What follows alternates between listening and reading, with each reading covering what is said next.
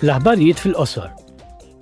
F'bidu ta' din il-ġimgħa l-President tal-Parlament Ewropew Roberta Mezzola kienet Auschwitz. Hija rċiviet il-Premju Re David mill-Assoċjazzjoni Ludija Ewropea b'rikonoxximent ta' sosten tagħha lill komunità Ludija fl-Ewropa.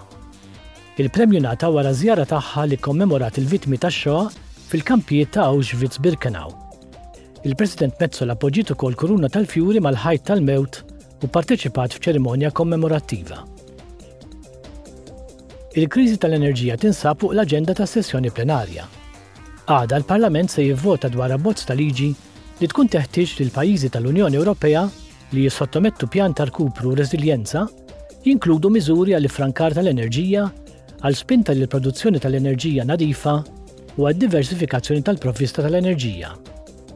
Dawn il-miżuri jiformaw kollha parti mill-pjan REPowerEU.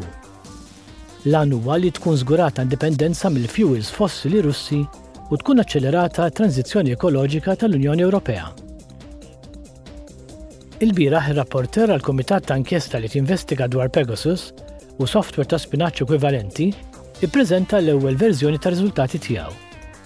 Il-Kumitat tal-Parlament Ewropew li ilu attiv sa minn April 2022 Ikkummissjona studji, wettaq smigħ ma' esperti u organizza żjarat ta' ġbir ta' informazzjoni f'Iżrael, il-Polonja, il-Greċja u Ċipru.